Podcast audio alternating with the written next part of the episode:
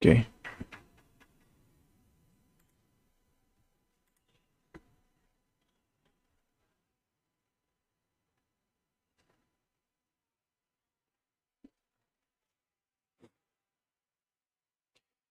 Ya, Bismillah bahas tentang hakikat uh, ma'rifatun Nabi Shallallahu Alaihi Wasallam ya.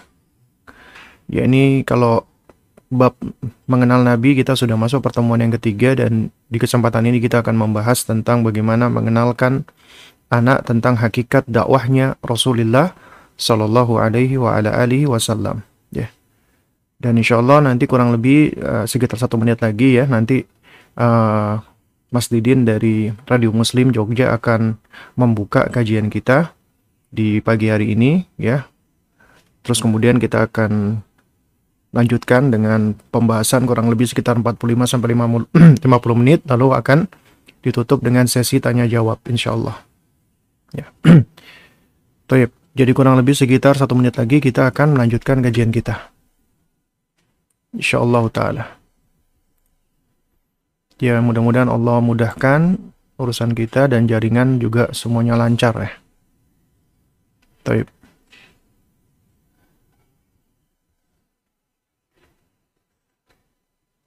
Uh, baik, Mas Didin, kalau memang sudah waktunya untuk dibuka, nah, silakan dibuka, Mas.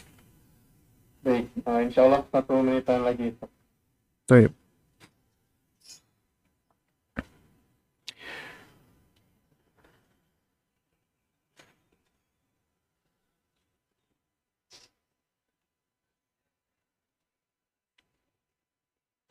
Oh ya, sebagai informasi bagi kawan-kawan, buku yang kita bahas adalah buku ini.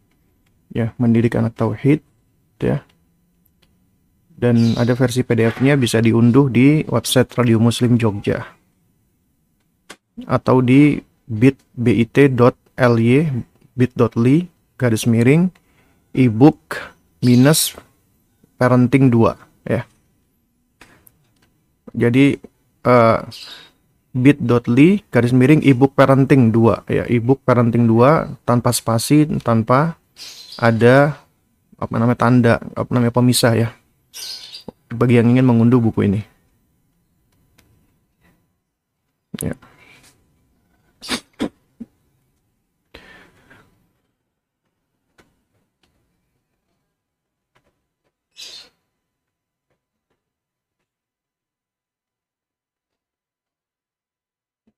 Uh, baik Ustaz, kita mulai. Insya Allah Ustaz. Ya, baik.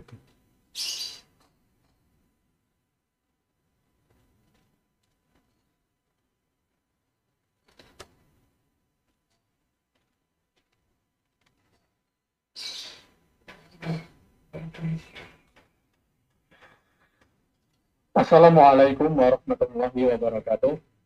Alhamdulillah wassalatu wassalamu ala Rasulillah wala haula wala quwwata illa billah. Amma ba'du, selamat pagi sobat muslim pendengar radio muslim di frekuensi AM 1467 kHz dan para pendengar di siaran streaming www.radiomuslim.com. Alhamdulillah kita diberikan kesempatan oleh Allah Subhanahu wa taala untuk kembali berjumpa di Radio Muslim Jogja meneruskan akidah menebarkan sunnah. Kita kali ini berjumpa di program acara Khazanah Islam. Kajian setiap jam 9 waktu Indonesia Barat. Dan di hari Sabtu pagi ini, insya Allah akan kita lanjutkan kembali jadwal kajian rutin kita bersama Ustadz Abu Salma Muhammad, Hafizullah Ta'ala, melanjutkan pembahasan kajian pendidikan anak, mengajarkan anak tauhid, faidah dari uh, kitab karya Syekhul Islam uh, Syekhul Islam Muhammad bin Abdul Wahab rahimahullah taala. Kajian parenting dan tanya jawab Insya Allah nanti ada sesi tanya jawab bagi Sobat Muslim dan para pendengar. Uh, bisa sampaikan pertanyaan atau konsultasi seputar agama, terutama seputar parenting di kesempatan pagi hari ini. Dan uh, bagi Sobat Muslim dan para pendengar semuanya, dan Didin juga menyapa para pendengar atau pemirsa di uh, YouTube, channel YouTube Ustadz Abu Salma Muhammad, dan juga di um, akun Instagram, akun Instagram Ustadz Abu Salma Muhammad, uh, selamat pagi. Dan sobat muslim atau teman-teman yang mendengarkan melalui YouTube atau Instagram bisa di-share pertanyaannya atau bisa disampaikan pertanyaannya melalui live chat ya atau bisa langsung ke nomor Radio Muslim Jogja juga. Bisa sampaikan pertanyaan melalui SMS atau chat WhatsApp ke nomor 0823 2727 5333. Sekali lagi 0823 2727 5333. Insya Allah akan kita lanjutkan pembahasan tentang uh, mengajarkan kepada anak hakikat dakwah Rasulullah Shallallahu Alaihi Wasallam. Kita sapa terlebih dahulu Ustaz Abu Salma Muhammad yang telah terhubung secara langsung bersama kita. Assalamualaikum Ustaz. Waalaikumsalam warahmatullahi wabarakatuh. Ya jazakallahu khairan Ustaz atas kesempatan di pagi hari ini. Apa kabar Ustaz? Wa iyyakum jazakallahu khairan. Alhamdulillah Mas Didin sehat walafiat. Mudah-mudahan Mas Didin, keluarga, teman-teman dan uh, seluruh apa namanya pendengar kita di pagi hari ini juga Allah karuniakan kesehatan. Khususnya Allah berikan hidayah taufik. Hidayah Islam dan Amin. sunnah ya. Barakallahu Alhamdulillah Sobat Muslim kita telah terhubung bersama Ustaz Abu Salma Muhammad. Langsung saja mari kita kembali persiapkan diri kita untuk uh, mendengarkan dan menyimak dan mencatat faedah dan ilmu yang akan beliau sampaikan. Uh, jangan lupa nanti Sobat bisa sampaikan pertanyaan atau materi yang dirasa masih belum jelas, silakan disampaikan melalui SMS atau chat WhatsApp ke nomor Radio Muslim Jogja. Baik, kita simak dan dengarkan kajian yang disampaikan oleh Ustadz Abu Salma Muhammad Hafizullah Ta'ala.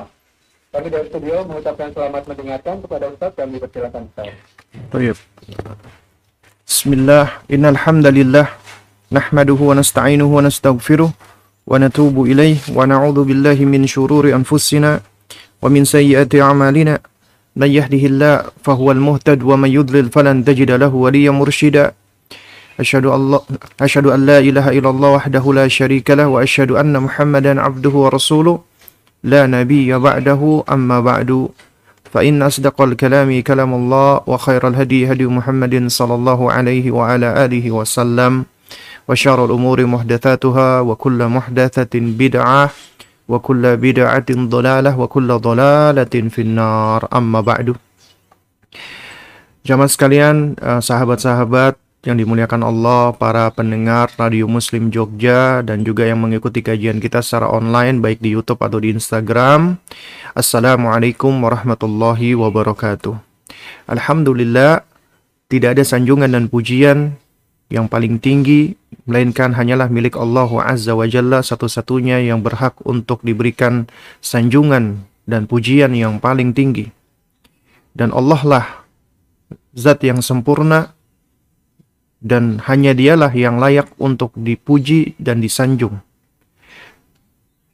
Dan juga semoga salawat, salam dan keberkahan senantiasa terlimpahkan kepada junjungan kita, kekasih kita, Muhammad bin Abdullah sallallahu alaihi wa ala alihi wasallam dan juga kepada keluarga beliau dan sahabat-sahabat beliau.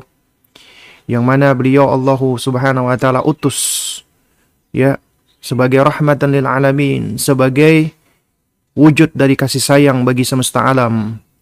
Yang mana ini menunjukkan sifat rahmahnya Allah Azza wa Jalla kepada makhluknya. Di mana Allah Subhanahu wa taala begitu sangat mencintai dan menyayangi hamba-hambanya sehingga Allah turunkan kalamnya yaitu Al-Quranul Karim dan juga Allah turunkan ya Al-Quranul Karim ini kepada manusia yang paling sempurna, manusia yang paling baik, manusia yang dipilih oleh Allah Azza wa Jalla yaitu Nabi kita Muhammad sallallahu alaihi wasallam agar kita manusia bisa mencontoh dan meniru beliau Nabi Muhammad sallallahu alaihi wasallam karena tidak ada alasan bagi kita nggak mampu untuk mencontoh Nabi. Karena beliau adalah manusia. Sama seperti kita. Beliau butuh makan. Beliau butuh minum. Beliau bisa sakit. Beliau bisa luka. Dan beliau adalah manusia biasa. Tidak berbeda dengan kita dari sisi kemanusiaannya. Oleh karena itu tidak layak kita mengatributkan kepada beliau yaitu atribut-atribut yang berlebihan ya. Yaitu atribut seperti atribut sifat-sifat ketuhanan kepada beliau. Seperti beliau mengetahui perkara goib beliau bisa mendatangkan uh, maslahat atau menjauhkan bala atau yang semisalnya ya. Itu semua adalah haknya Allah Subhanahu wa taala. Beliau adalah manusia biasa ya. Karena beliau adalah abduhu hambanya Allah tapi Allah istimewakan beliau Allah muliakan beliau Allah pilih beliau ya yaitu beliau di antara manusia yang ada beliau adalah manusia yang paling baik beliau adalah manusia yang paling istimewa karena itu ya beliau adalah makhluk yang istimewa. Ya Allah istimewakan sehingga kita wajib mengistimewakan beliau. Beliau adalah makhluk yang mulia, yang paling mulia. Allah yang memuliakan beliau sehingga kita wajib memuliakan beliau. Ya, sehingga dalam hal ini kita wajib menghormati beliau, memuliakan beliau, mencintai beliau, mengistimewakan beliau. Ya. Karena beliau adalah Rasulullah. Karenanya kita bersaksi bahwa Muhammad bin Abdullah sallallahu alaihi wa ala alihi wasallam adalah hamba Allah, manusia biasa. Enggak layak untuk disembah, enggak layak untuk dipinta. Karena beliau manusia biasa. Sehingga tidak benar apabila kita tempatkan beliau sama seperti Allah Azza wa Jalla. Dan itu termasuk kesyirikan.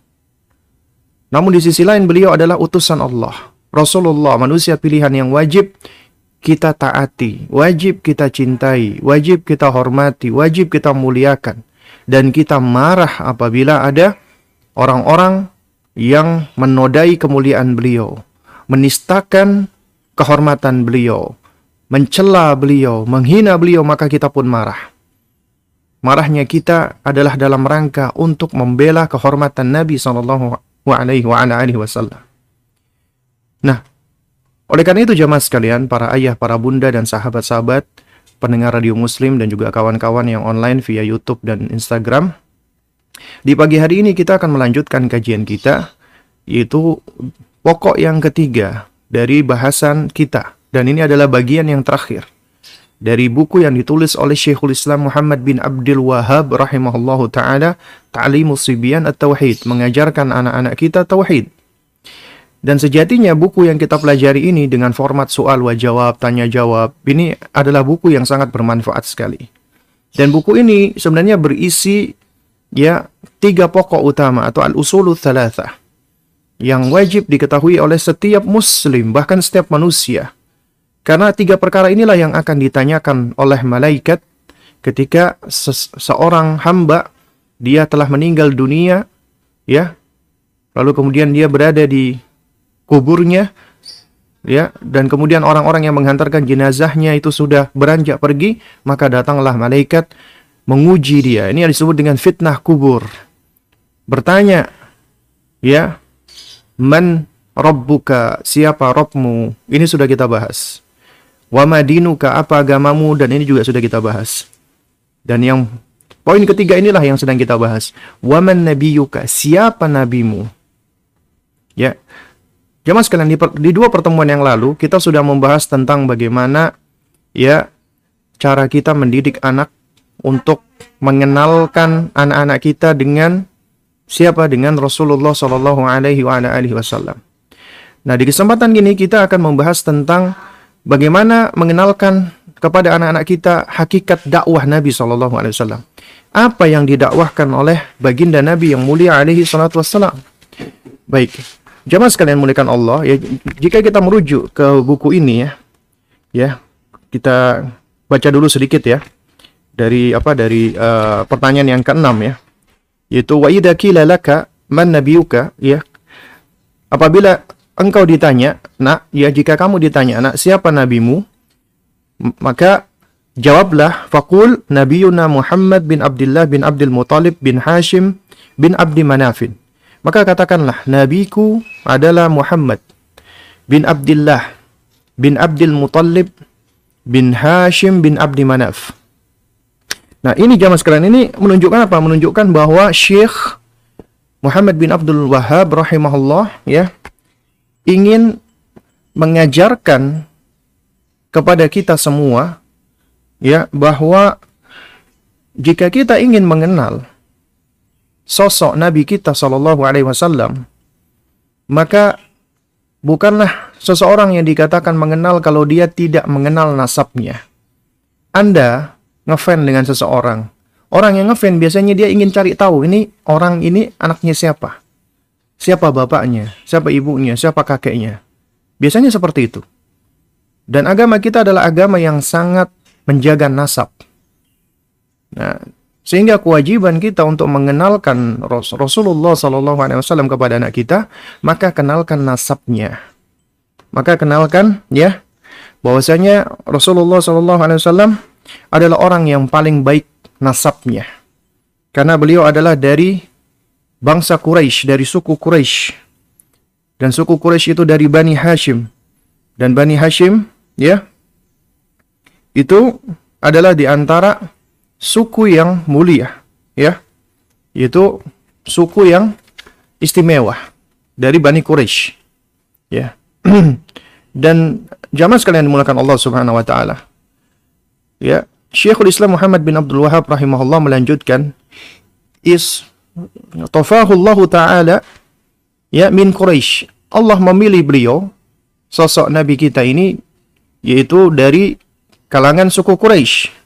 Wahum Sofwatu waladi Ismail. Dan suku Quraisy itu adalah termasuk ya apa termasuk keturunan Ismail alaihissalam yang istimewa. Ya, jadi ya adalah adalah bangsa terpandang, bangsa terkemuka dari keturunannya Nabi Ismail alaihissalam. Ya, wabathahu ilal ahmar wal aswad. Allah mengutus beliau kepada bangsa berkulit merah ataupun berkulit hitam. Artinya Allah Azza wa Jalla yang mengutus beliau kepada seluruh bangsa. Seluruh nation. Ya. Mau itu yang berkulit merah, berkulit kuning, berkulit putih. Artinya Allah utus beliau untuk semesta alam. Karena sebagai rahmatan lil alamin. Lalu kemudian wa anzala alaihi alkitab wal hikmah. Allah Subhanahu wa taala turunkan kepada beliau Alkitab Al-Qur'anul Karim. Kalamullah wal hikmah yaitu sunnahnya beliau, perkataan beliau, perbuatan beliau, persetujuan beliau dan sifat-sifat yang ada pada beliau. Ya. Dan kemudian beliau ya ya yad'un nasa ila ikhlasil ibadah Beliau menyeru manusia. Beliau mengajak manusia. Nah, ini hakikat daripada dakwah beliau. Ila ikhlasil ibadah. Yaitu kepada pemurnian ibadah. Ya. Yaitu dalam rangka untuk mengikhlaskan semua bentuk ibadah hanya kepada Allah Subhanahu wa taala. Wa ma kanu ya'buduna min dunillahi.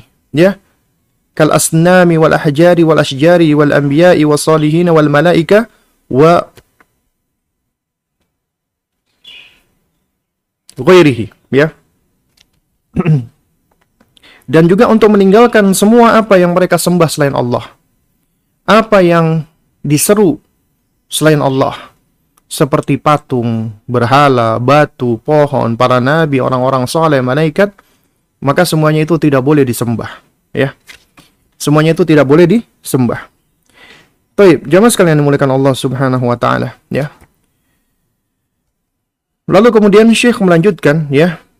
Fada'an nasa ila tarki syirki. Beliau menyeru mengajak manusia untuk meninggalkan kesyirikan. Wa qatalahum ila tarkihi dan memerangi mereka agar meninggalkan kesyirikan. Ya.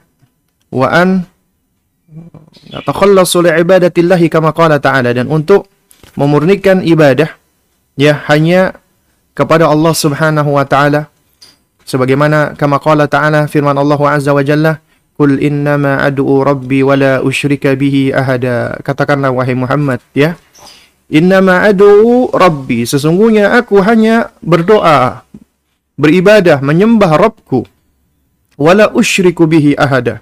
Dan aku tidak menyekutukan Allah dengan sesuatu apa pun. Surat Al-Jin ayat 20.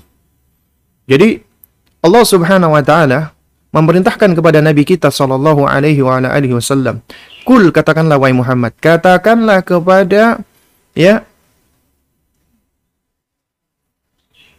orang-orang Quraisy dan juga siapa saja ya bahwasanya inna ad'u rabbi sesungguhnya aku ini berdoa kepada Robku meminta kepada Robku beribadah kepada Robku menyembah kepada Robku ya aku hanya menyembah kepada Robku karena kata innama di sini lil hasyar itu membuahkan faidah pembatasan artinya membatasi hanya kepada Allah aku menyembah Aku meminta dan aku berdoa. Lalu kemudian ditambahkan lagi dengan penguatan wala usyriku bihi ahada. Dan aku tidak menyekutukannya, tidak menyekutukan Allah dengan sesuatu apa pun, ya. Lalu kemudian di dalam surat Az-Zumar ayat 14, Allah Subhanahu wa taala berfirman, ya, "Qulillaha a'budu mukhlishan lahud dini." Ya, katakanlah wahai Muhammad, ya, Allah a'budu, Allah hanya Allah lah aku beribadah mukhlisan dengan penuh keikhlasan. Dengan memurnikan hanya kepadanya. Ya, lahu dini, yaitu hanya memurnikan kepadanya dalam menjalankan agamaku. Dalam menjalankan dinku, Islam. Jadi katakanlah wahai Muhammad, hanya kepada Allah lah aku beribadah. Ya, mengikhlaskan hanya kepadanya dalam rangka menjalankan agamaku ini. Ya. Surat Az-Zumar ayat 14. Lalu kemudian surat Ar-Ra'd ya. Surat Ar-Ra'd ayat ke-36. Ya, Allah berfirman kembali kepada nabi kita dengan perintah kul katakanlah wahai Muhammad innama umirtu an a'budallah ya sesungguhnya aku ini diperintah hanya untuk beribadah kepada Allah hanya untuk menyembah Allah semata. Wala usyrika bihi ilaihi ad'u wa ilaihi ma'abih. Wala usyriku wala usyrika bihi. Dan aku tidak menyekutukan Allah dengan sesuatu apa pun. Aku tidak berbuat syirik menyekutukan Allah. Ya. Adu'u ya ilaihi adu'u hanya kepadanya aku menyembah, hanya kepadanya aku berdoa, hanya kepadanya aku ya menyeru, ya wa ilaihi ma'ab dan hanya kepadanya aku kembali. Surat Ar-Ra'd ayat 36. Ya. Baik. Lalu kemudian Syekh Muhammad bin Abdul Wahab juga menam, apa juga menyebutkan ya. Jadi ada empat ayat yang beliau sebutkan di sini. Sebenarnya banyak sekali ayat-ayat ya yang berkaitan dengan misi dari Rasulullah Sallallahu Alaihi Wasallam, dakwahnya Nabi Sallallahu Alaihi Wasallam. Ya, yang beliau sebutkan kemudian ayat Az-Zumar, eh, surat Az-Zumar, ayat ke-64 sampai 66. Allah Azza wa Jalla mengatakan, "Kul," katakanlah Muhammad, "Afa ghairallahi ta'muruni?" Ya, maka apakah kamu menyuruh aku untuk a'bud ya? A'budu ayyuhal jahilun ya. Apakah kamu menyuruh aku menyembah ya? Afa uh, gairallah apakah kepada selain Allah muruni a'budu ayyuhal jahilun? Apakah kepada selain Allah kamu menyuruh aku untuk menyembahnya wahai orang-orang yang yang bodoh, wahai orang-orang yang jahil, ya, wahai orang-orang yang gak punya ilmu? wahai orang-orang yang tidak berpengetahuan ya walaqad uhiya ilaika wa ilal ladzina min qablika padahal sungguh telah ya diwahyukan kepadamu wahai Muhammad wa ilal ladzina min qablika dan juga kepada para nabi dan rasul sebelum kamu orang-orang sebelum kamu la in asyrakta la yahbatanna amaluka apabila kamu berbuat syirik apabila kamu menyekutukan Allah maka akan hilang sirna musnah ya semua amalan-amalan kamu. Maka tentulah akan terhapus semua amalan-amalan kamu. Sia-sia semua amalan-amalan kamu. Wala ya, kemudian kata Allah Subhanahu wa taala takunanna minal khasirin dan tentulah kamu akan menjadi orang-orang yang merugi, orang-orang yang khasir. Khasir lawan daripada orang-orang yang falih, orang-orang yang beruntung. Ya. Jadi kamu akan menjadi orang-orang yang tidak beruntung, kamu akan menjadi orang-orang yang yang merugi. Kenapa? Sia semua, sia-sia semua amalmu ketika kamu menyekutukan Allah Subhanahu wa taala. Balillaha fa'bud. Namun kepada Allah lah hendaknya kamu beribadah. Kamu menyembah, ya.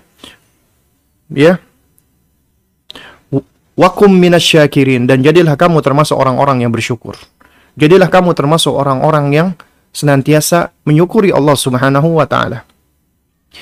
Jemaah sekalian yang menggunakan Allah. Surat Az-Zumar ayat 64 sampai 66 ini ini adalah di antara ya uh, ayat yang dengan tegas menerangkan tentang ya tentang misinya Rasulullah Sallallahu Alaihi Wasallam dan juga tentang betapa kesyirikan itu adalah perbuatan orang-orang yang paling merugi di muka bumi terlebih lagi nanti di akhirat. Ya. Jadi jamaah sekalian menggunakan Allah, Nabi kita yang mulia alaihi salatu wassalam ketika beliau diperintah untuk berdakwah ya, untuk uh, meninggalkan orang-orang Quraisy, maksudnya membiarkan orang-orang Quraisy agar mereka menyembah ya selain Allah, agar mereka menyembah Allah dan menyembah selain Allah. Menyembah sesembahan-sesembahan di samping Allah Azza wa Jalla. Itulah kesyirikan yang dilakukan oleh orang-orang musyrikin Quraisy, ya. Lalu kemudian juga mereka mengajak Rasulullah agar Nabi ya selain menyembah Allah juga menyembah kepada selain Allah. Ya, agar mengagungkan dan memuliakan Latta, Uzza, Manat, Hubal dan selainnya. Nah, oleh karena itu makanya Allah ya perintahkan kepada Nabi untuk memberikan apa? Untuk memberikan jawaban untuk memberikan apa namanya eh, keterangan yang jelas ya yaitu katakanlah wahai Muhammad ya dalam rangka untuk mengingkari mereka afa ghairallahi ta'muruni apakah kepada selain Allah kamu memerintahku ya a'bud ayuhal jahilun agar aku beribadah mengibadahinya wahai orang-orang yang bodoh Apabila kita perhatikan ternyata Allah Azza wa Jalla itu menyematkan kepada mereka orang-orang yang mengajak kepada kesyirikan itu dengan sebutan al-jahilun, ayyuhal jahilun. Karena sejatinya para jamaah sekalian, orang-orang musyrikin, orang-orang yang mereka kafir kepada Allah, sejatinya mereka itu adalah orang-orang jahil, orang-orang bodoh. Meskipun mereka mungkin punya gelar profesor, doktor, dan yang semisalnya, mungkin mereka tampak di dunia itu menunjukkan kecerdasan. Tapi ketika mereka menyekutukan Allah, ya, ketika mereka tidak mentauhidkan Allah dan ketika mereka kufur kepada Allah, maka sejatinya mereka adalah orang-orang yang bodoh. Mereka sejatinya adalah orang-orang yang jahil. Oleh karena itu makanya yang namanya kecerdasan itu tidak dilihat dari ya dari uh, ijazahnya dia, dari gelarnya dia atau yang semisalnya. Kecerdasan manusia tidak dilihat dari hal tersebut. Juga tidak dilihat dari betapa banyak karya-karya tulisnya dia, ya. Padahal isinya adalah adalah berbagai macam kesesatan, ya. Nah, sesungguhnya orang-orang yang cerdas adalah mereka yang bisa menempatkan dirinya ya orang-orang yang adil menempatkan sesuatu pada tempatnya. Dan dia sadar nih bahwasanya dirinya itu makhluk diciptakan. Dan yang menciptakan adalah Allah Azza wa Jalla. Berarti satu-satunya yang layak untuk diibadahi adalah Allah. Siapa yang beribadah kepada selain Allah, maka berarti dia telah berbuat kezaliman yang paling besar. Dan ketika dia melakukan kezaliman yang paling besar, maka sejatinya itulah orang-orang yang jahil, orang-orang yang bodoh. Makanya Allah menyebutkan Ya ayyuhal jahilun, wahai orang-orang yang bodoh yang mengajak untuk menyekutukan Allah Subhanahu wa taala. Lalu kemudian Allah berikan ya Allah ingatkan kepada Nabi kita wasallam bahwasanya Allah berikan karunia kepada beliau. Yaitu uhiya ilaika wa ilal ladina min qablika. Sungguh telah diberikan kepadamu wahai Muhammad sallallahu alaihi wa alihi wasallam ya dan juga kepada orang-orang sebelum kamu ya yaitu wahyu ya yaitu keterangan dari Allah. Artinya Allah wahyukan kepada nabi kita dan juga Allah wahyukan kepada nabi-nabi sebelum beliau alaihi salatu wassalam. Artinya di sini semua nabi dan rasul Allah berikan ayat ini. Allah berikan ya kalimat ini yaitu la in asyrakta yahbatanna amaluka. Apabila kamu menyekutukan Allah apabila kamu berbuat sekutu kepada Allah Subhanahu wa taala apabila kamu menyekutukan Allah Azza wa Jalla la yahbatanna amaluka maka niscaya akan terhapus amalmu niscaya akan sirna amalmu. Meskipun engkau banyak bersedekah, meskipun engkau banyak berinfak, meskipun engkau banyak melakukan amal-amal yang tampak baik di muka bumi ini, meskipun engkau menolong orang-orang fakir dan miskin, meskipun engkau mengeluarkan hartamu, meskipun engkau misalnya sujud ya, meskipun engkau menyebut nama Allah berzikir jutaan kali, meskipun engkau berpuasa ya, uh, siang dan malam. Tapi apabila engkau menyekutukan Allah, apabila engkau berbuat syirik, maka enggak ada manfaatnya amal kebaikanmu tersebut. Tidak ada manfaatnya, itu semua akan sirna, akan hilang. Orang-orang yang menyekutukan Allah meskipun dia di dunia tampak baik. Dia menyembelih hewan ketika ada orang-orang ya yang datang ataupun butuh bantuan dia atau orang-orang yang lapar dia mengeluarkan hartanya bermiliar-miliar misalnya dalam rangka untuk menolong orang-orang yang apa namanya terkena bencana. Ya ini adalah mungkin suatu hal yang baik di dunia ini, ya. Dan mungkin dia akan mendapatkan apresiasi dari manusia, dari orang-orang, oh ini adalah orang yang baik. Tapi ketika dia melalaikan haknya Allah, ketika dia meninggalkan haknya Allah, dia lupa bahwasanya apa yang dia miliki itu dari Allah Azza wa Jalla.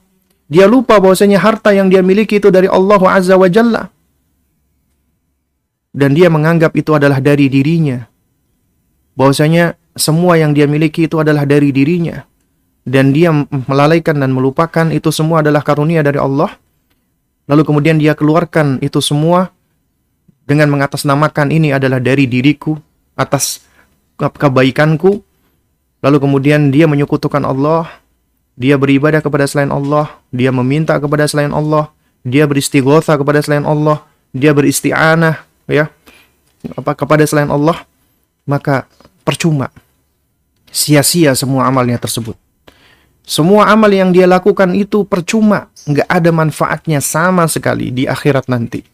Kenapa? Karena kata Allah, la in asyrakta apabila kamu berbuat syirik, kamu menyekutukan Allah, la amaluka maka akan terhapus, hilang, sirna, musnah semua amal-amal yang kamu kerjakan itu. Semua amal yang kamu kerjakan itu akan sia-sia, akan terhapus semuanya. Ya. Kemudian wala takunanna minal khasirin dan tentunya kamu akan menjadi orang-orang yang merugi. Kenapa?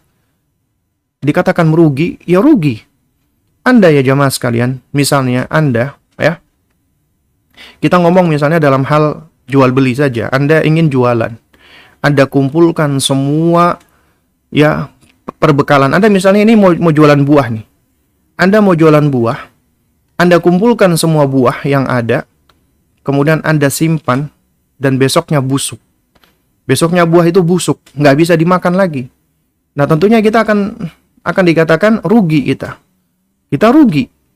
Rugi karena apa yang kita kumpulkan tadi itu ternyata nggak bisa mendatangkan manfaat, nggak bisa mendatangkan keuntungan. Semuanya busuk misalnya. Nggak bisa kita jual. Kita nggak dapat apa-apa, itu namanya rugi. Dan kita hanya mengeluarkan tenaga dan mengeluarkan uang ketika kita mengumpulkan buah-buahan tadi. Ini hanya contoh yang sepele, yang ringan, yang enteng.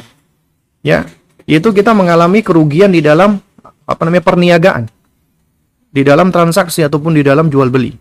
Lantas bagaimana ketika ya kita misalnya di dunia ini melakukan perbuatan-perbuatan yang kata orang, kata manusia baik dan memang asalnya baik ya. Misalnya Anda memberi makan fakir miskin, kemudian Anda menolong orang lain, ketika ada orang yang apa namanya dililit hutang Anda membantunya, lalu kemudian Anda membangun shelter, Anda membangun uh, misalnya apa namanya menggali air di tempat-tempat orang-orang yang kesusahan air ya. Atau bahkan Anda membangun masjid. Orang-orang sholat di dalamnya.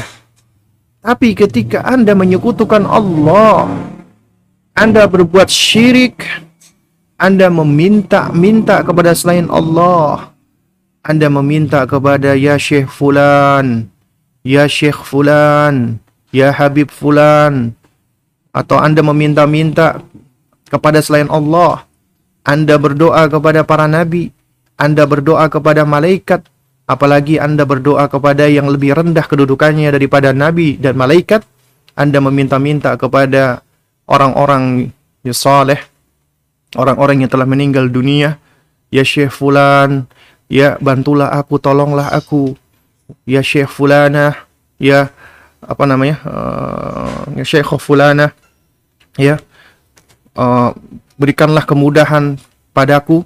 Padahal yang bisa membantunya, yang memberikan kemudahan itu hanyalah Allah Azza wa Jalla. Adalah Allah Subhanahu wa taala semata. Dan ketika seseorang dia menjadikan sekutu-sekutu bagi Allah, maka sesungguhnya dia telah menyekutukan Allah.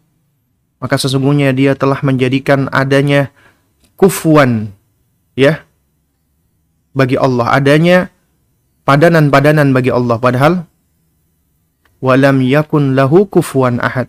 Tidak ada satupun yang sepadan dengan Allah Azza wa Jalla karena Allah adalah ahad tunggal.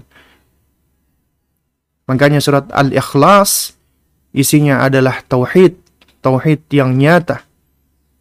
Kul katakanlah wahai Muhammad, huwa Allahu ahad. Dialah Allah yang maha tunggal. Dialah Allah yang satu. Satu dalam segala hal. Ya, Allah Azza wa Jalla itu adalah maha tunggal. Ya. Lam yalid wa lam yulad. Allah tidaklah melahirkan dan tidak pula dilahirkan. Allah terangkan Allah Azza wa Jalla wujud ada tanpa dilahirkan dan tanpa melahirkan. Ya, karena Allah adalah ahad, Allah tunggal dan sifat tunggal ini adalah merupakan bagian dari kesempurnaan Allah Subhanahu wa taala. Hmm? Walam yakul lahu kufuwan ahad dan tidak ada satupun yang sepadan, yang sama, yang serupa dengan Allah Subhanahu wa taala. Ya. Nggak ada satupun yang serupa dengan Allah. Karena apabila ada yang serupa, maka sudah tidak sempurna lagi. Akan hilang kesempurnaannya. Dan Allah maha sempurna. Ya. Nah, jadi jamaah sekalian mulakan Allah. Ya. Uh, dari sini kita bisa bisa tahu ya bahwa uh, misi atau dakwahnya Nabi kita Muhammad Wasallam yang paling utama adalah dalam rangka untuk mentauhidkan Allah Azza wa Jalla. Ya, di dalam kitab Al Usul Thalathah ya atau yang kitab yang benar judulnya adalah uh, uh, Usul wa Adillatuha ya. Ini judul kitab yang menurut Syekh Saleh Al-Utsaimi adalah yang lebih tepat untuk uh, kitab uh, yang ya apa namanya yang yang ditulis oleh Syekh ya i'lam uh, rahimakallah annahu yajibu alaina dan seterusnya itu kitab Thalathatul Usul. Adapun Al-Usul Thalatha kata Syekh Saleh Al-Utsaimi itu adalah risalah yang lebih ringkas lagi. Ditulis oleh Syekh Muhammad bin Abdul Wahab rahimahullah untuk orang-orang awam dan anak-anak. Di, di antaranya sama dengan apa yang ada di dalam buku ini, ya, yaitu Ta'limus Sibyan atau Haidah, ya. Nah, di dalam kitab Thalathatul Usul, Usul wa Wadilatuha, ya, ketika beliau menerangkan ya Al-Usulul Thalith, yaitu landasan yang ketiga, pokok yang ketiga adalah ma'rifatu ma'rifatu nabiyikum Muhammad sallallahu alaihi wasallam, yaitu mengenal nabi Anda, mengenal nabimu, ya, Muhammad sallallahu alaihi wasallam wa Muhammad bin Abdullah bin Abdul Muttalib bin Hashim bin Quraisy wa Quraisyun min al-Arabi wal Arab wal, wal Arabu min Dzurriyyat Ismail bin Ibrahim al-Khalil alaihi wa ala nabiyina afdalu salatu wassalam. Ya, beliau adalah Muhammad bin Abdullah bin Abdul Muttalib bin Hashim bin Quraisy. Dan Quraisy termasuk bangsa Arab dan bangsa Arab itu termasuk keturunan Ismail bin Ibrahim, kekasih Allah Subhanahu wa taala. Ya, semoga ya salawat dan salam yang paling utama bagi beliau dan bagi nabi kita. Ya. Jadi dari sini ya kita tahu bahwasanya ternyata ma'rifatun nabi itu mengharuskan kita untuk mengenal nasabnya, mengetahui nasabnya. Dan beliau adalah orang yang paling bagus nasabnya. Beliau termasuk dari ya dari bangsa Quraisy. Bangsa Quraisy itu adalah termasuk suku yang paling terkemuka ya ya dari keturunannya Ismail alaihissalam dari bangsa Arab. Ya. Jadi beliau berasal dari suku Quraisy. Ya. dan beliau berasal dari keturunan Bani Hashim. Dan Bani Hashim adalah juga termasuk Bani yang terkemuka. Ya. Jadi beliau adalah Muhammad bin Abdullah bin Abdul Muthalib bin Hashim, ya. Dan ini adalah nasab yang paling bagus ataupun yang paling baik. Di antara uh, nasab orang-orang Arab dahulu ini adalah nasab yang paling terkemuka. Allah pilih beliau ya dengan nasab yang mulia, dengan nasab yang baik. Ya. Taib. Lalu kemudian kata Syekh di sini, ya walahu minal umri 63 sanatan minha arba'una qabla nubuwah wa 23 nabiyan wa rasulan, ya. Nah, beliau berusia 63 tahun, ya. Artinya usia beliau adalah 63 tahun ya sebelum beliau wafat. Dan 40 tahun sebelumnya ya beliau adalah manusia biasa. Artinya di usia 40 tahun, ya beliau baru diangkat menjadi nabi, baru beliau diangkat menjadi rasul. Nah, artinya di sini beliau selama 23 tahun itulah beliau menjadi nabi dan rasul. Ya, 40 tahun yang pertama beliau belum diangkat menjadi nabi dan rasul. Dan sebelum diangkat menjadi nabi dan rasul itu semua orang yang mengenal beliau bersepakat bahwa beliau adalah manusia yang paling baik. Manusia yang paling amanah, manusia yang paling jujur, itu adalah beliau, Nabi kita Muhammad sallallahu alaihi wasallam. Ya. Namun ketika Allah Azza wa Jalla mengutus beliau untuk berdakwah, barulah mulai ada orang-orang yang mana mereka lebih mendahulukan hawa nafsunya. Mereka lebih mendahulukan ajaran-ajaran nenek moyangnya. Mereka yang lebih mendahulukan ya uh, apa namanya? keyakinan-keyakinan i'tiqadiyah dan tradisi-tradisi ya leluhurnya ya akhirnya mereka pun menentang Rasulullah sallallahu alaihi wasallam. Ya. Baik. Wa nubbi'a bi iqra dan beliau itu mulai diangkat menjadi nabi, ya. Nubbi'a bi iqra dengan ketika diturunkannya ayat pertama. Iqra, bacalah wahai Muhammad.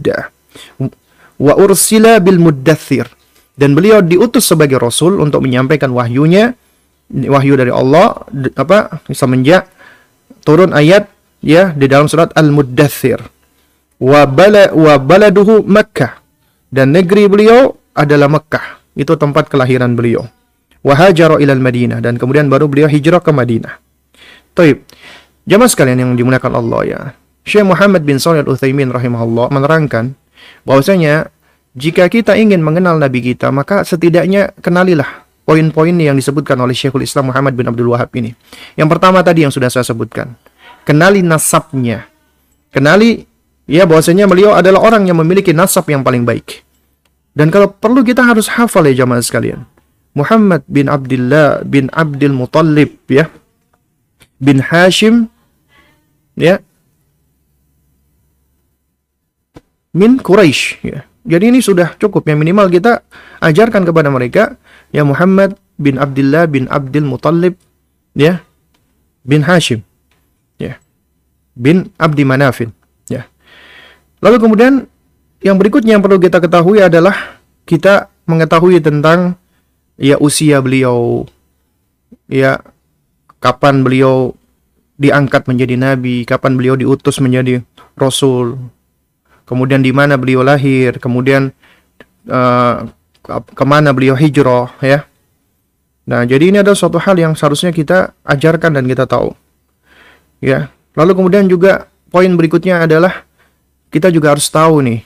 Yang poin ketiga, kita harus mengetahui tentang masa nubuah Rasulullah yaitu 23 tahun. Dan 40 tahun sebelumnya beliau belum diangkat menjadi nabi dan rasul. Ya. Dan beliau diangkat menjadi nabi ketika beliau bertahannuts ya di Gua Hira, kemudian datang Jibril alaihissalam dan menyampaikan Iqra bacalah wahai Muhammad ya. Lalu kemudian beliau diperintahkan Nabi untuk mulai um, menyampaikan risalah di dalam surat Al-Muddathir. Ya ayyuhal muddathir kum fa'andir wa rabbaka fakabbir wa thiyabaka fatahhir ya wahai orang-orang yang berselimut Bangunlah engkau dan berikanlah peringatan. Dan Rabbmu agungkanlah dia. dan pakaianmu bersihkanlah atau sucikanlah dan seterusnya. Itu adalah ya ayat yang pertama perintah Allah agar Nabi menyampaikan risalahnya. Lalu kemudian poin yang keempat yang perlu kita ketahui adalah ya kita tahu nih nasabnya, kita tahu usianya beliau, tempat lahirnya, tempat hijrahnya. Kita tahu nih tentang fase nubuahnya beliau, beliau diangkat menjadi nabi usia berapa, ya. Nah, kemudian poin keempat yang perlu kita ketahui dan kita ajarkan kepada Rasulullah adalah ya, dengan apa nabi itu diangkat menjadi nabi dan rasul. Karena banyak orang mengklaim mungkin ya, dia sebagai nabi-nabi, tapi ternyata nabi-nabi palsu. Ya. Lantas nabi kita Shallallahu alaihi wasallam ini dengan apa dia diangkat menjadi nabi dan rasul? Ya. Dan apa yang menjadi bukti? Buktinya adalah mukjizat abadi yang Allah turunkan kepada beliau Al-Qur'anul Karim. Ya. Dan yang menjadikan beliau nabi pertama adalah ketika Allah turunkan surat apa? Al-Alaq Iqra bismi rabbikal ladzi khalaq khalaqal insana min 'alaq Iqra wa rabbukal akram alladzi 'allama bil qalam 'allamal insana ma lam ya'lam. Ya. Lalu kemudian beliau diangkat menjadi rasul di surat Al-Mudaththir. Ya ayyuhal mudaththir qum fa'anzir wa rabbaka fakabbir wa thiyabaka fatahhir dan seterusnya. Ya.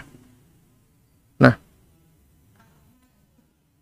Lalu kemudian setelah kita tahu dengan apa nabi nabi diangkat menjadi nabi dan juga diutus menjadi rasul, maka kemudian poin kelima yang perlu kita tahu dan kita ajarkan adalah ya, untuk apa beliau diutus? Untuk apa beliau diangkat menjadi nabi dan kemudian diperintahkan Allah untuk menyampaikan risalah? Ya. Untuk apa? Ternyata tujuannya tidak lain dan tidak bukan adalah dalam rangka untuk mengembalikan manusia kepada fitrahnya. Ya, dalam rangka untuk mengembalikan manusia kepada akal sehatnya bahwasanya ketika mereka diciptakan di muka bumi ini Allah Subhanahu wa taala tidak meninggalkan begitu saja. Bukan untuk main-main ada tujuan yang paling besar. Apa itu? Wa ma khalaqtul jinna wal insa illa liya'budun. Tidaklah aku yaitu Allah azza wa jalla ciptakan jin dan manusia kecuali untuk beribadah kepadanya kepada Allah azza wa jalla.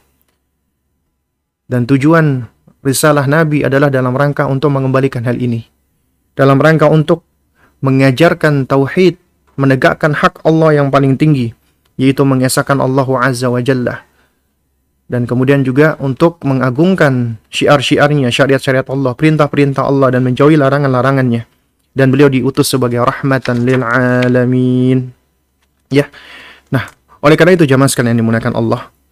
Allah Subhanahu wa taala ya, sebagaimana disebutkan oleh Syekhul Islam Muhammad bin Abdul Wahab berikutnya, ya, ba'athahullahu bin nadharati syirki wa yad'u ila tauhid.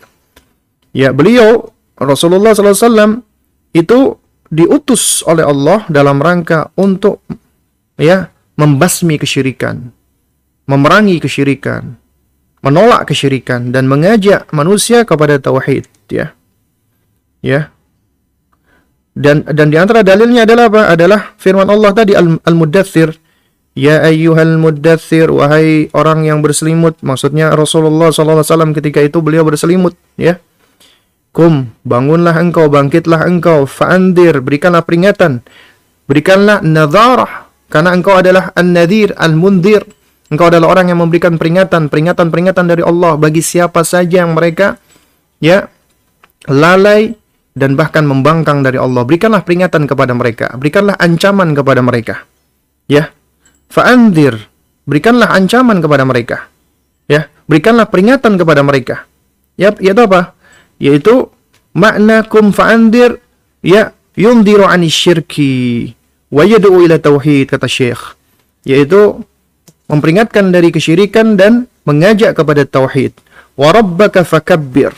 Dan Rabbmu, Tuhanmu, penciptamu, pemilikmu, penguasamu, Allah Azza wa Jalla maka fakabbir.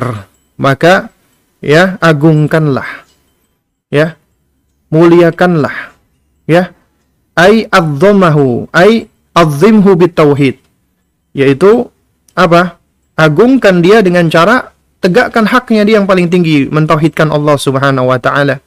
Wa thiyabaka fatahhir.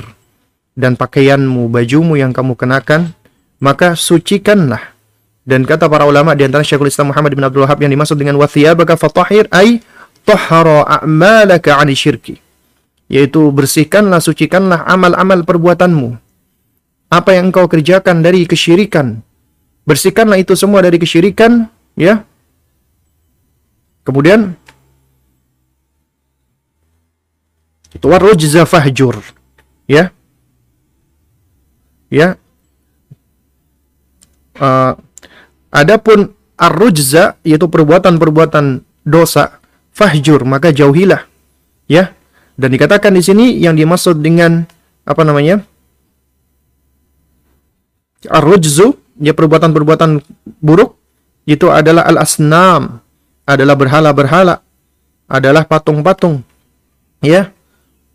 Wahajruha wa tarkuha wal bara'atu minha wa ahliha yaitu perintah untuk kita ya meninggalkannya ya untuk menjauhinya dan berlepas diri darinya dan para pelakunya atau orang-orang yang melakukan kesyirikan ya orang-orang yang melakukan kesyirikan nah jadi ini adalah intisari daripada dakwah Nabi Shallallahu Alaihi Wasallam bahkan ya kata Syekhul Islam Muhammad bin Abdul Wahab rahimahullah أخذ على هذا عشر سنين يدعو إلى التوحيد وبعد الأشر urija bihi ila sama.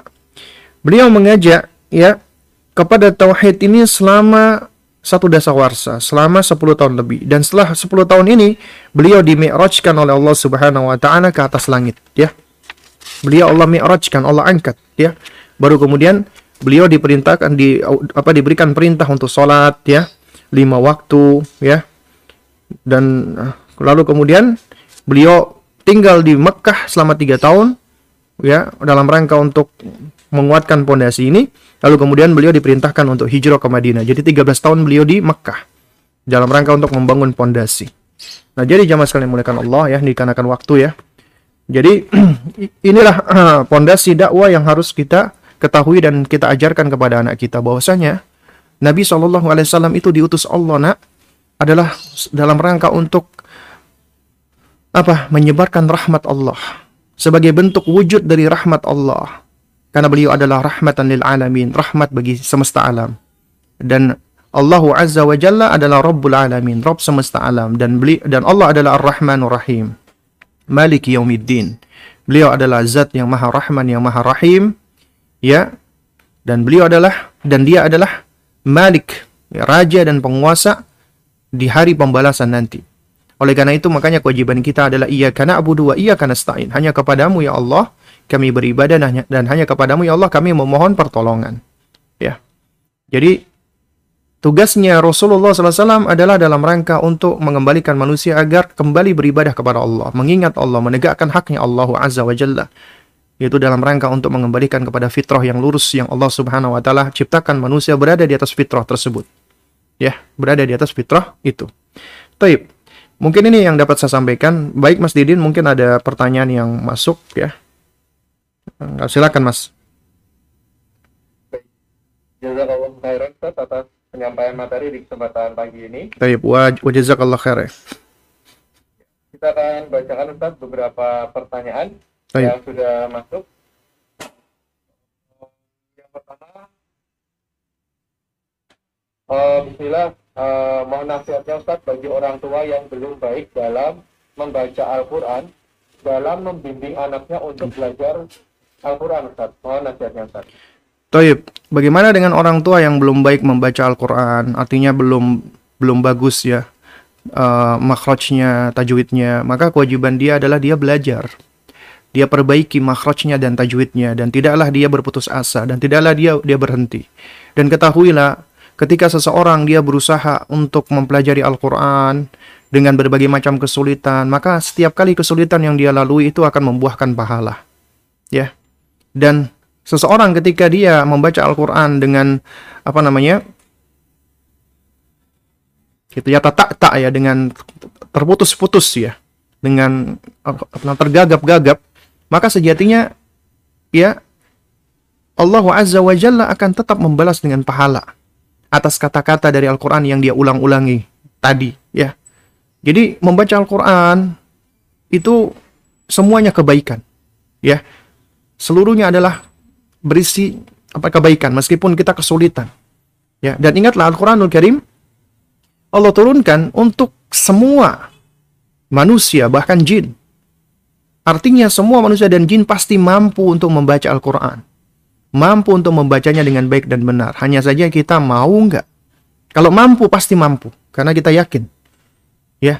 Tapi masalahnya adalah mau tidak. Meskipun memang tiap orang berbeda-beda. Memiliki al-fasoha, kefasihan yang beda-beda. Tapi ketika Anda mempelajari Al-Quran dengan niatan karena Allah, ya, insya Allah Allah akan mudahkan. Jadi kewajiban Anda adalah tetap Anda harus belajar membaca Al-Quran. Tunaikan hak-haknya huruf yang ada di dalam Al-Quran ketika Anda membacanya. Dan ini termasuk mengagungkan kalam Allah. Memuliakan firmannya Allah Azza wa Jalla. Maka Anda belajar. Lalu kemudian bagaimana dengan anak-anak kita? Kalau kita tahu nih, bacaan kita ternyata masih banyak keliru, masih banyak salah. Kalau kita mentalkin kepada anak kita, khawatir juga anak kita keliru, maka dalam hal ini adalah kita harus memperbaiki bacaan kita. Nah, lalu kemudian bagaimana dengan anak kita? Dengan anak kita maka kita harus carikan guru yang bagus bacaannya atau minimal kita memperdengarkan anak kita melalui media-media. Misalnya murotal, ya, tapi sedikit demi sedikit dan cari bacaan yang yang tidak terlalu cepat temponya ya buat anak-anak kita. Atau kalau perlu carikan guru-guru, guru-guru ngaji yang bagus untuk anak kita. Kenapa? Karena memang bukannya kita nggak mau ngajarin, tapi memang kita masih belum memiliki kemampuan. Tapi kita tetap punya niat ingin mengajari mereka. Mengajari anak-anak kita. Dan Allah insya Allah akan mengganjar kita dengan pahala atas niatan kita. Kalau kita khawatir ketika kita mengajarkan anak kita Al-Quran, sementara kita nggak tahu tentang ilmu tajwidnya, kita nggak tahu tentang makhrajnya, dan itu bisa membahayakan, ya, karena bisa merubah makna dan yang semisalnya, ya. Nah, dalam kondisi seperti ini maka hendaknya kita ya kita uh, memperbaiki dulu bacaan kita sembari kita mencarikan guru yang lain untuk anak kita ya jadi intinya kita sama-sama belajar Al-Qur'anul Karim wallahu taala alam bisawab Ya Ustaz, jazakallahu khairan atas jawabannya. Kita bacakan lagi pertanyaan selanjutnya. Ini ada pertanyaan dari eh, pemirsa di Instagram. Ustaz, bagaimana memerangi kesyirikan di zaman sekarang ini? Mohon penjelasannya, Ustaz. Taib. Yang perlu kita pahami bersama ya, Rasulullah SAW itu juga kita kita dapati ya ayat-ayat di dalam Al-Qur'anul Karim dengan kata qatala memerangi itu bukan artinya langsung dipahami dengan membunuh dan yang semisalnya tidak. Dan kalau kita perhatikan bagaimana cara dakwahnya Rasulullah, Nabi SAW itu berdakwah dengan penuh kelemah lembutan. Ya, jadi ya karakter dakwah Nabi SAW adalah dengan penuh kelemah lembutan, penuh dengan empati. Ya. Dan beliau itu melakukan dakwah dengan cara menyentuh dulu hati dan juga akal sehat dari madu'unya. Diajak ya manusia itu ya apa namanya ke dalam ajaran agama kita ini bil hikmah dengan cara yang hikmah ya dan juga mau itu hasanah dan juga dengan pelajaran yang baik. Pun kalau seandainya ada debat ya, wajadilhum billati hiya ahsan, maka ya berdebat dengan cara yang lebih baik ya. Nah, jadi ya yang dimaksud dengan kita memerangi kesyirikan di sini adalah kita mengingkari kesyirikan dengan dengan apa yang kita mampu dan tentunya dasarnya adalah ilmu. Nah, lalu kemudian ya kita tahu nih bahwasanya dalam hal pengingkaran itu memang ada tingkatannya, ya. Karena Nabi Nabi SAW sendiri yang bersabda, "Man ro'amin kumun karon fal apa namanya? Yughayyir biyadihi, fa illam yastati fa bilisanihi, fa illam yastati fa biqalbihi, wa dzalika adhaful iman." Ya, apabila ada salah seorang dari kalian itu melihat kemungkaran, maka ingkari dengan tangan kalian. Nah, tapi kata para ulama, mengingkari dengan tangan ini bukan kewajiban setiap orang. Artinya ada orang-orang yang nggak mampu. Ini adalah kewajiban orang yang memiliki kekuatan, orang yang memiliki kekuasaan, orang yang mem memiliki kemampuan. Misalnya pihak pemerintah kepada rakyatnya. Ya, ataupun seorang penguasa kepada rakyatnya ataupun orang tua kepada anaknya, guru kepada anaknya. Maka mampu mereka untuk menahan dengan tangannya, mengingkari dengan tangannya. Nah makanya Nabi menyebutkan wa ilam yastati apabila nggak nggak mampu artinya memang ada orang-orang yang tidak memiliki kemampuan untuk mengingkari dengan tangan karena tidak semua orang bisa maka dengan lisannya. Ingkari dengan lisannya, berikan dia nasihat, ya, atau berikan dia peringatan, berikan dia ancaman, atau seterusnya. Jadi, diingkari dengan lisan. Tapi ternyata juga tidak semua orang mampu mengingkari dengan lisan, karena ternyata, ya, ada kondisi-kondisi pula di mana ketika kita mengingkari dengan lisan itu bisa mendatangkan maldorot, ya, bisa mendatangkan bahaya, ya. Dan dan tiap orang Nah, tentunya beda-beda ya dalam hal masalah kemampuan seperti ini. Nah, makanya kata Nabi berikutnya adalah adalah fa'ilam yastati apabila kamu tidak mampu maka fabiqalbihi hendaknya dengan hatinya. Wadzalika dha'ful iman itulah adalah adalah selemah-lemahnya iman. Artinya minimal dengan hati. Harus ingkar, nggak boleh kita nggak ingkar dengan hati. Ada keburukan, ada suatu perbuatan kemungkaran. Pertama kali yang harus ingkar adalah hati kita. Ya, itu yang harus pertama kali muncul di dalam hati kita adalah pengingkaran dalam hati. Ya, baru kemudian apabila kita memiliki kemampuan kita ingkari dengan tangan dan juga apabila kita memiliki kemampuan kita ingkari dengan lisan. Nah, juga sama ketika kita melihat kesyirikan yang ada pada saat ini. Anda wahai orang tua, Anda melihat misalnya ada anak Anda atau ada orang-orang yang berada di bawah apa kekuasaan Anda melakukan kesyirikan, maka Anda berkewajiban untuk mengingkari dengan tangan Anda. Anda hentikan, Anda stop dia.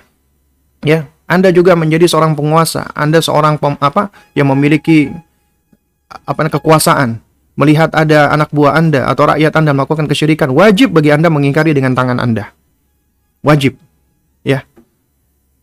Nah, apabila kita nggak punya kemampuan atau kita nggak bisa dengan tangan, dengan apa kekuatan kita, dengan kekuasaan kita, maka dengan lisan kita.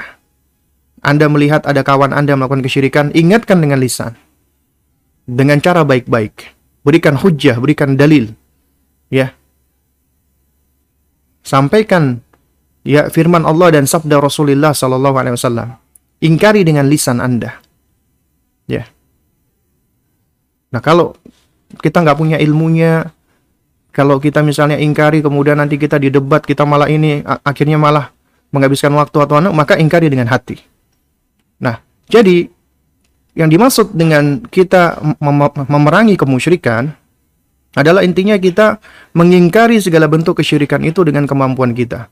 Nah, kalau misalnya memang uh, ada suatu negeri yang mana negeri ini dia menegakkan tauhid, menegakkan syariat, lalu kemudian dia mendapati ada kaum-kaum yang melakukan kesyirikan, maka wajib baginya untuk mendakwai mereka.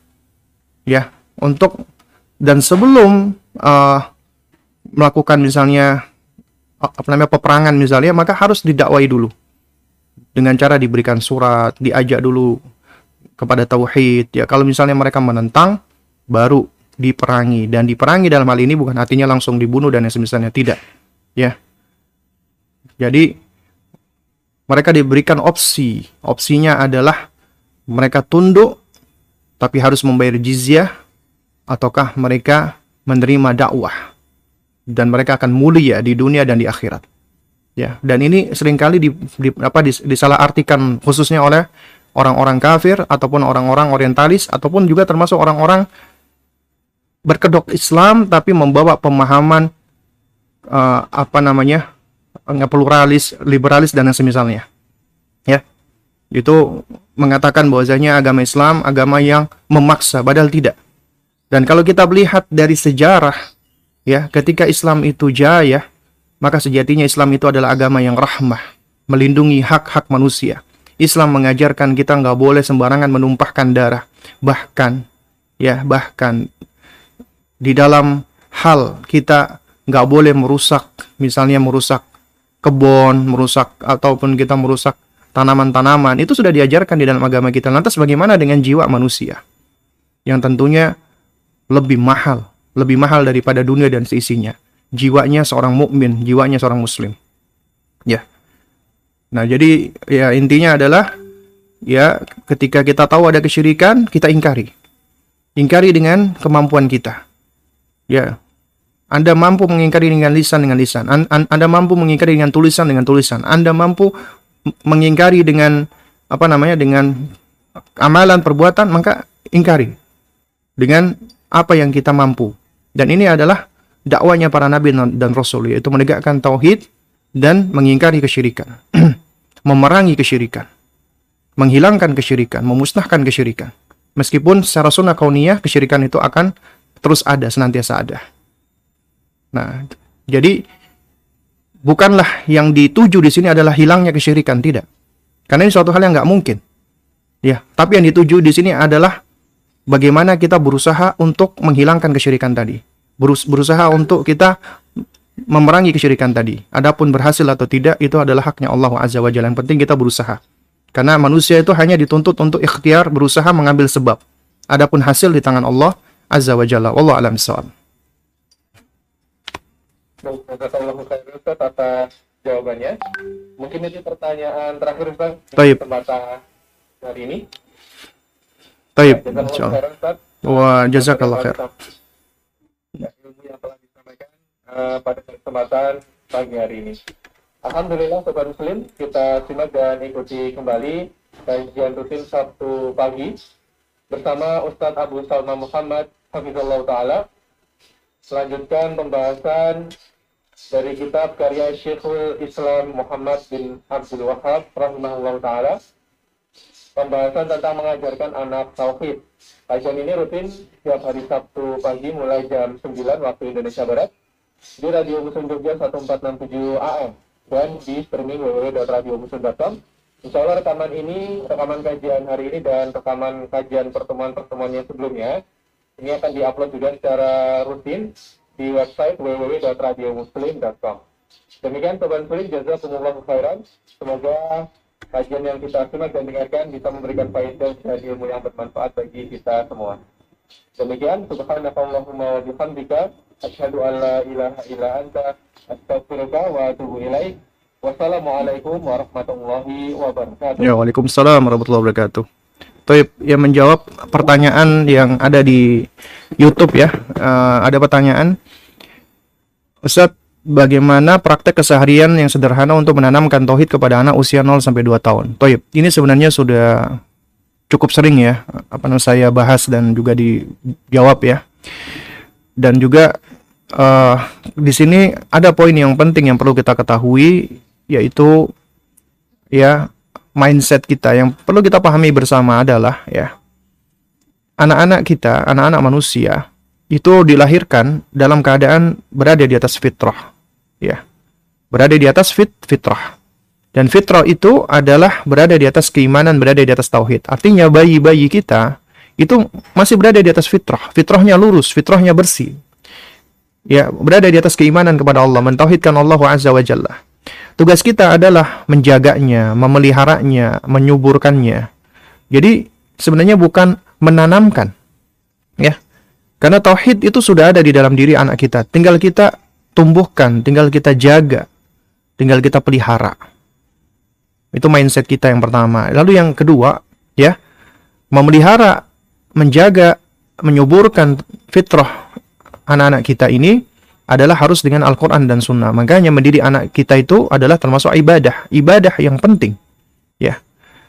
Karena karena sejatinya ketika kita mendidik anak-anak kita ya berada di atas tauhid, ya kita itu sebenarnya sedang melaksanakan amanat yang Allah berikan kepada kita. Ya. Yaitu apa? Yaitu amanat dari Allah yang mana Allah titipkan anak-anak kita agar mereka bisa menjalankan tujuan mereka diciptakan yaitu menjadi hamba Allah Azza wa Jalla untuk beribadah kepada Allah Subhanahu wa taala. Nah, terus kemudian yang poin berikutnya apa ketiga, kita tahu ini manusia itu ternyata memiliki perkembangan yang bertahap. Ya, sebagaimana Allah isyaratkan di dalam surat An-Nahl ya, ayat 78. Wallahu akhrajakum min butuni ummahatikum la ta'lamuna syai'a. Allah keluarkan kalian dari rahim ibu-ibu kalian dalam keadaan kalian gak punya ilmu, bodoh. Kita semua lahir dalam keadaan bodoh. Tapi Allah karuniakan kepada kita instrumen untuk bisa mendapatkan ilmu. Wa ja'ala sam'a. Allah berikan kepada kalian pendengaran, wal absar penglihatan, wal afidah. Indra pemahaman kata Ibnu Katsir adalah akal. La'allakum tashkurun agar kalian bersyukur. Ayat ini menunjukkan Allah karuniakan kepada kita ya ada instrumen atau indera yang merupakan ya tools kita untuk belajar mendapatkan ilmu dan itu berkembang berkembang secara sedikit demi sedikit. Di antaranya adalah apa? Adalah pendengaran. Itu yang berkembang pertama kali. Baru kemudian penglihatan, baru kemudian akal pemahaman. Nah, sebenarnya ketika Anda punya anak usia 0 sampai 2 tahun, itu yang paling dominan adalah pendengarannya. Sehingga ya metode kita, cara kita untuk menstimulasi mereka ya dan juga dalam rangka untuk menjaga fitrah mereka adalah dengan cara kita banyak-banyak memperdengarkan tasmi dan mentalkin ya ini seperti yang dilakukan oleh ibunya sahabat yang mulia Anas bin Malik. Ketika Anas masih menyusu itu ibunya sudah mentalkinnya kalimat la ilaha illallah. Nah oleh karena itu makanya anda wahai orang tua punya anak usia 0 sampai 2 tahun maka perbanyaklah memperdengarkan kalimat-kalimat toyibah perbanyaklah untuk memperdengarkan lafzul jalalah Allah. Dan perbanyak memperdengarkan zikir-zikir Allahu Akbar, Subhanallah, Alhamdulillah. Terutama kalimat tauhid la ilaha illallah. Kemudian juga ya perdengarkan kepadanya Al-Qur'anul Karim. Al-Qur'anul Karim. Ya. Karena Al-Qur'anul Karim itu adalah kalamullah dan apabila itu didengar oleh hati yang masih bersih, murni seperti hatinya bayi, itu jangan dianggap tidak bermanfaat, bermanfaat itu akan merasuk ke dalam sanubarinya, itu akan merasuk ke dalam kolbunya, itu akan ya memberikan pengaruh. Oleh karena itu anak dari bayi ya bahkan mulai dari dari masih berada di rahim ibunya itu yang sudah sering diperdengarkan kalam Allah biasanya hatinya akan terikat dengan Al-Qur'an. Sehingga dia akan menjadi orang yang lebih mudah ya orang yang lebih uh, lebih cenderung kepada Al-Qur'anul Karim. Wallahu a'lam mudah-mudahan bisa menjawab. Ya kita tutup dan kita akhiri kajian kita di pagi hari ini dengan kafaratul majelis subhanakallahumma wa bihamdik. Asyhadu an la ilaha illa anta astaghfiruka wa